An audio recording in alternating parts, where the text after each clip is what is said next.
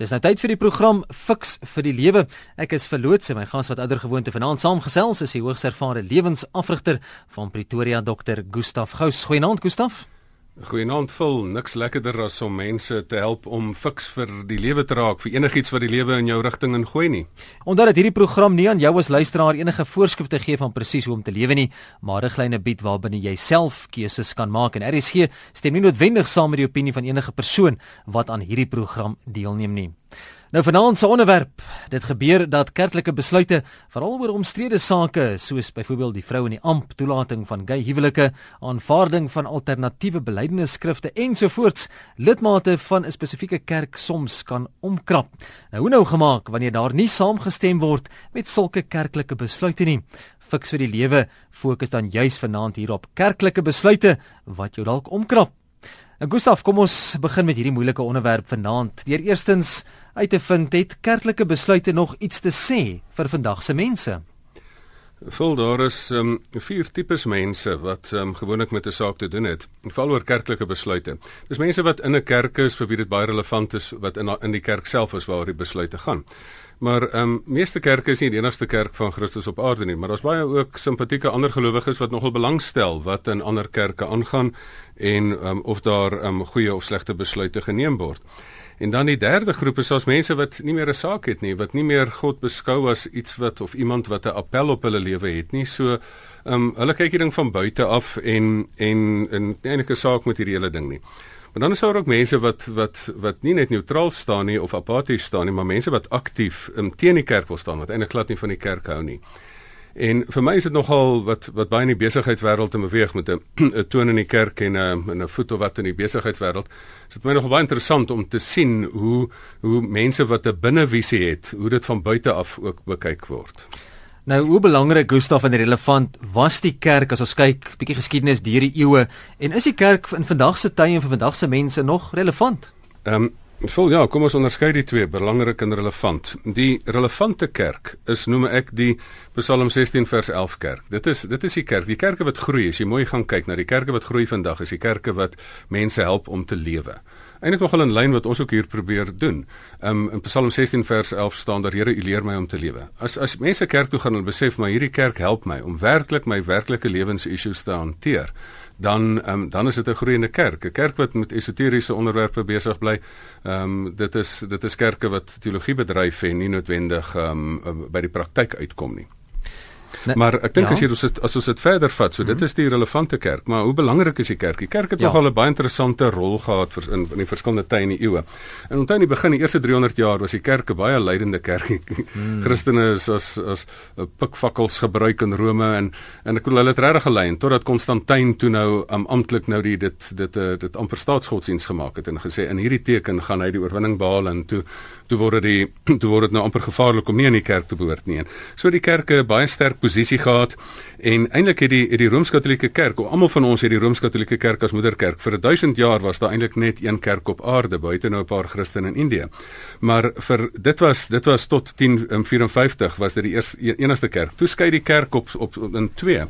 En dit word die Oosterse Ortodokse Kerk in in die ooste van Europa en in Rusland en daar en en dan die Wes-Europa Kerk met Konstantinopel um, as die hoofsetel in Rome as die ander ander hoofsetel. En toe's die uh, ooste oorgeneem deur um, Islamgelowiges en toe word Konstantinopel Istanbul en dis meer. So daar was baie verskillende rolle so die kerk het mag gehad.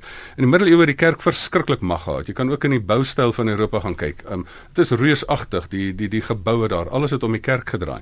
Maar dan het die kerk ook later sy posisie verloor. In Suid-Afrika was dit bietjie anders geweest. In Suid-Afrika was daar 'n gereformeerde monokultuur. So as die kerk gepraat het, as die gereformeerde kerk gepraat het of dan spesifiek die NG Kerk of dan dan net almal geluister want dit is asof die kerk praat. Min weet en dat 60% van die meer as 60% van Christene op aarde is Katolieke en die en die ehm um, die NG Kerk op sigself is maar 'n klein druppeltjie in die emmer van al, alle gelowiges wêreldwyd. Maar die NG Kerk het ook sy um, sy posisie van mag verloor as die politieke magkerk en dis meer ehm um, en um, met reg ook. Ek verkies baie keer 'n nederige kerk bo arrogante kerk wat arrogante stellings maak, maar ek verkies ook 'n kerk wat bereid is om die Engelse te mooi woord bold hmm. wat wat regtig 'n getuienis reguit lewer. Ehm um, eerder as 'n kerk wat nou maar so skoorvoetend soek en sê maar ons ons is maar soek op soek na die waarheid. Jy moet erns staan. Nou ek sien so twee inskrywings hier op ons Facebook bladsy Maritjie wat onder andere sê ons sal weer moet teruggaan na die basic soos hy dit sê in aanhalingstekens en Johan ook wat sê die Bybel is ons riglyn en dit is geïnspireer deur die Heilige Gees. Nou hoe nodig is dit dat daar kerklike besluite sal wees oor byvoorbeeld etiese sake in die kerk? Gustaf is die Bybel nie genoeg nie. Uh, vol natuurlik is die Bybel goed genoeg, maar wat maak jy nou as twee uh, mense, uh, twee verskillende mense dieselfde teks verskillend interpreteer? Wie is nou reg? As albei sê ek het die Bybel gelees en ek het na die Heilige Gees se stem geluister en hulle sê teenoorgestelde goeters. Wat maak jy as kinders van dieselfde Vader verskil? En wêreldwyd was daar toe 'n metode hoe kerke bymekaar gekom het en dat hulle gesê het man, nou moet ons nou moet ons 'n uitsluitsel gee oor hierdie ding. En hulle het dit daai tyd genoem ekumeniese konsilies. Mm. Ek bedoel hmm. een van die grootste goed wat hulle moes vasstel is watter boeke vind vorm deel van die Bybel. Ja. So ehm um, en dit het hulle dit is die hele kanoniseringsproses wat jy wat is kanonieke boeke en wat is wat is nou boeke wat nou nie in die in die in die Bybel in is nie. En tot vandag toe nog ehm um, is daar is die Katolieke Bybel het meer boeke in as die protestantse Bybel. Maar hierdie konsilies was dan 'n metode um, en selfs die Christelike drie-eenheidsleer. Nêrens in die Bybel staan daar die woorde, die formulering die drie-eenheid nie. Christene sit in verskil. Nou waar pas die Vader en die Seun en die Heilige Gees nou in? Toe een van daai kerklike vergaderings dit geformuleer. So dit is nogal belangrik dat jy op op spesifieke sake um, bymekaar kom en as daar 'n verskilpunt is om met Christene bymekaar kom en sê luister, ons kan nie nou hier staan en mekaar nou hierso so verketter nie. Ehm um, want want as jy net op die ou standpunt staan wat jy sê maar luister ek lees die Bybel en dit is goed genoeg, dan kan dit op 'n punt kom van elke ketter het sy letter. Ehm um, en, en dan moet 'n mens eintlik by mekaar kom en die ding wat jou beskerm daarvan dat jy ehm um, dat jy maar net elke keer met jou eie idee op 'n eh, op loop gaan is dat jy dit gaan toets aan ander Christene. As as my kinders kom na my toe kom en sê luister my pappa sê ons kan soveel suiker eet as ons wil en ons kan al die lekker goed dadelik opeet voor ete. Dan sal die ander een sê hey, ek ek dink ek ken ook my pa. Ek dink nie hy sou dit gesê het nie. Maar so, verkies jou pa. maar dit is hoe mens dit is hoe mens by uh, die bewaarde van dat kerklike besluite mense by mekaar moet kom en en dan wat is 'n ekumeniese konsilie? Dis eintlik 'n wêreldwye sinode. Die ding in Suid-Afrika is net dat 'n baie klein kerk se sinode is as die woord as die enigste kerk beskou. Mm, mm. Ehm mm, mm. um, en en daarom is daar geweldige gewig daaraan toegeken. Maar kan mense dan sonder die kerk bestaan, Gustaf en alk self die Bybel korrek interpreteer sonder die hulp van opgeleide predikers? Vol en ek dink um, in die ou tyd was dit net die teoloë wat half toegang gehad het of die kerk wat toegang gehad het tot kennis. Um, die hele hervorming het het deels ontstaan want in die ou tyd was die Bybel net te, te lees in die in die Rooms-Katolieke kerk veral in Latyn, nie eers in Grieks nie en ja. in die Vulgaat en dis meer. En daar het um, daar het net hulle reg gehad tot die kennis en daarom kon hulle eintlik enigiets vir mense sê en hoe kan daai persoon dit nou toets? Ehm um, en daar het 'n groot um, ommekeer gekom. Nommer 1 toe Bybels vertaal is in jou in jou eie moedertaal en nommer 2 toe Gutenberg die drukpers um, ontwerp het en toe kon die die op die Bybel op skrif was nie net die die die die die voorreg van die teoloë in kerke nie, maar was enige Christen kon kon die woord lees. En toe sê hulle maar luister, ons kan ook die Bybel lees en hier staan nou nie wat jy noodwendig dink ek sê nie. So en julle moet dit nou ook aan ons toets. Ehm um, so ek dink dit is mens dit is nie net teoloë wat die reg het om die Bybel te lees nie. Natuurlik het hulle bydra om te lewer want hulle maak 'n maak 'n oorkoepelende studie daarvan. So luister na die teoloë. Maar ek bedoel natuurlik het is alle teoloë verskil ook. So daarmee moet 'n mens um, die debat volg. Is geskakel by RSG die program Fix vir die Lewe ons gesels vanaand oor kerklike besluite wat omkrap. Gustav, watter riglyne geld daar vir die neem van kerklike besluite? Wel ek dink die heel belangrikste ding is die kerk beleef hom dat hy eintlik iets te sê het vir die wêreld. Met ander woorde dat daar 'n boodskap eintlik van van buite is wat jy wat wat jy vir die wêreld wil bring. Um, maar en dan met kerklike besluite die Here se stem reflekteer. Um, op Facebook op die Facebook bladsy het ek 'n prentjie gepost van daardie hondjie wat onthou hulle die hier's Masters Voice plate van ouds. Ehm um, en ook hierdie grammofoonspelers. Ja. En dan het jy daar was daai grammofoonspelertjie en die hondjie daar gesit en dan het hy nou geluister um, na hierdie groot um, beelbek wat nou die klank hier in sy oor indruk. Nou eintlik is dit moet dit die Bybel en die stem van die Gees wees wat die klank bring. Die hondjie moet nou die die musiek moet hy nou uitblaf. Hy moet die hondjie moet hier's master's voice wees. Maar die hondjie moenie sy eie noot blaf nie. Ehm um, so die eerste ding is, die hondjie moet sê wat die Here sê. Ehm um, dit moet jy moet regtig hier's master's voice wees. Ehm um, dan moet jy dit dan moet jy van tyd tot tyd moet jy ook 'n profetiese woord spreek. So luister in hierdie tyd het ek 'n profetiese woord, ek het 'n duidelike boodskap vir hierdie tyd wat ek voel die wêreld moet kry. Maar dan die derde in die derde plek moet dit nie net hier's master's voice wees nie, maar dit moet in lyn wees met God se koninkryksvisie. Die kerk is nie die doel nie. Die Here het gesê laat u koninkryk die gebed was laat u koninkryk kom nie laat die kerk kom nie. So die koninkryk is kom. Die Here wil 'n nuwe orde skep, 'n nuwe 'n vredevolle orde skep in van geregtigheid en heelheid en alles in die wêreld. So die visie wat die kerk dan moet deurgee, die besluite moet in lyn wees met God se koninkryksvisie um, in hierdie verband. Ek dink my volgende vraag Gustaf is seker redelik goed beantwoord al die laaste paar weke hier in Suid-Afrika as jy die media dopgehou het, maar Hoe moontlik is dit dat alle Christene sal saamstem oor kerklike besluite?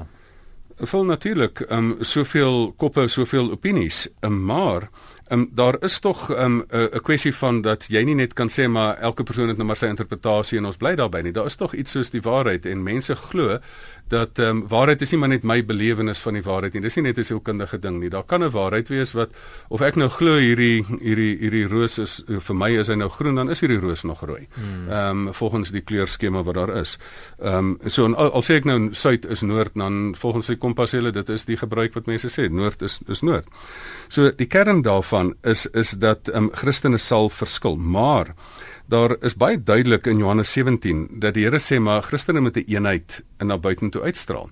Want hoe kan jy mense vertel van een God as julle so verdeeld is? Ehm um, onthou wat nogal baie vreemd is, in die begin was daar een kerk op baie plekke. Vandag is daar baie kerke op een plek. Nou vra mense nou na watter kerk moet ek nou luister? Ja. Ehm ja. um, die die in die mitologie praat hulle altyd van 'n uh, uh, veelkoppige monster, maar die kerk het eintlik 'n uh, 'n uh, 'n uh, veellywige monster geword met een kop. Daar's een hoof Christus en nou het hierdie klomp lywe. Nou hoop dese aarde moet jy nou daarmee saamleef. So in die begin was daar baie kerke, ag een kerk op baie plekke en vandag is daar baie kerke op een plek. So nou nou is daar verskillende verskillende stemme want na die hervorming is daar nou duisende kerke, verskillende kerke op aarde. Maar dat kerke moet juis 'n um, eenheidsstem uh, probeer hou daaroor en daarom het die kerke ook konfessioneel in die 19de eeu begin saamkom en ook die ekumeniese beweging van die 20ste eeu om te sê maar kom ons sê nie net wat sê een kerk nie kom ons kom 'n bietjie bymekaar in groot kerklike byeenkomste oor kerkgrense heen dat ons hoor dat dit nie net een kerk is wat 'n besluit neem nie uh, maar dat dit dat dit oor kerkgrense heen is 'n besluite word geneem kerklike besluite word geneem ons het dit ook gesien die afgelope tyd Kom ons kom 'n bietjie by van die lidmate van die kerk uit en ons raak so 'n bietjie prakties jy's in ons program Fix vir die Lewe. Gustav, watter opsie is daar vir lidmate van 'n kerk wanneer hulle juis nie kan saamstem met bepaalde besluite nie? Ek weet daar word soms gedreig, jy weet met skering en ander kerke wat gestig gaan word al dan nie. Wat kan lidmate doen wanneer hulle nie saamstem met kerkleiers nie? Vol die, ek wil eers sê wat hulle nie moet doen nie. Wat hulle nie moet doen nie is soos wat mense huidigelik op Facebook hulle debatte voer. Um, ek het 'n beleid dat ek op my Facebook laat ek mense van totaal verskillende opinies toe ek aanvriend nie so iemand as iemand nou verskil van van wat ek dink in die lewe nie. En nou sien ek daarso, hier is lelike goeters, verskriklike lelike goeters wat gesê word, ook in die debatte of dit nou oor Bellaar is en of dit nou oor die oor die gay debat is en dis meer, daar word verskriklike lelike goed van mekaar gesê wat my soveel so laat wonder dat dit is sogenaamd Christene aan weerskante. Mm. Hoe kan jy sê jy dien 'n liefdevolle God as jy jou debat op Facebook so vo uh, voer? My waarheid sê ek het 'n klomp respek verloor vir 'n klomp mense die afgelope tyd. Nie oor die inhoud van wat hulle verskil nie, maar ehm um, daaroor het hulle die reg, mm, maar oor die manier verskil, ja. oor die manier hoe hulle doen. So die ja. eerste ding is moet nou nie ehm um, um, amper sê ek varkerige Facebook Facebook bedryf nie en um, dan dat lelike Facebook debatte voer nie. Dis die eerste ding wat jy nie moet doen nie. Die tweede ding wat jy wel moet doen is as jy nou verskil in binne 'n situasie, die kerk het 'n familie, die kerk het nie 'n demokrasie, nie 'n teokrasie. So die Here is nog altyd die hoof. Gaan gaan dan kom by mekaar as kinders van dieselfde Vader, voer 'n debat daaroor.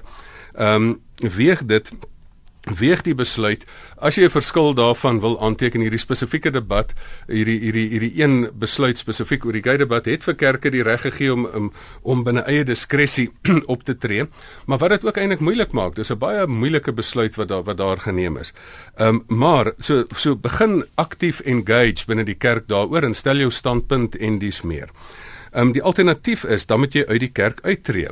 As mense eie kerk wil stig of wil afstig of wat ook al, ehm um, of as mense net sê maar hierdie is nou vir my so ver, watter besluit het ook al nou, of is dit nou die vrou in die ampus of die bellaar belydenis of wat ook al. Dit is nou so ver van my visie van van wat ek dink God wil hê in die wêreld dat ek nou maar met my voete moet stem en met my beursie moet stem en dat ek na 'n ander kerk toe moet gaan. Nou uiteraard is die beter ding is waar jy is voer die debat. Ehm um, maar hier is die twee opsies: bly binne of gaan uit. Nou, hoe moet 'n mens die verdeeldheid in kerke se sieninge ten opsigte van bepaalde sake in die Bybel verstaan, Gustaf? Spesifiek as ons kyk, die Bybel sê in Efesiërs 3 vers 3, daar word gepraat van eenheid wat die Heilige Gees tussen lidmate van 'n kerk gesmeed en ek sien baie van die SMS'e praat juis ook van die Heilige Gees. Vol ja. Ek dink die um, die hele kwessie van um, wat ek reeds daar gesê het, is die die die eenheid van Christene is nie net 'n opsionele ding nie. Mense het sê gemaklik maar jy kan die eenheid verbreek um, ter wille van die waarheid. Ehm um, die wa deel van die waarheid is die eenheid.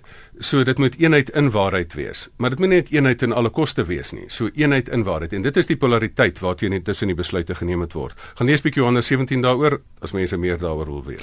Nou, jy het nou gepraat van aan die weerskante van die draad sit en dis 'n goeie reg om dit te doen. Elke mens het sy opinie, maar hoe kan 'n kerk lidmaat en dis dalk 'n moeilike vraag, Gustaf, seker wees daarvan?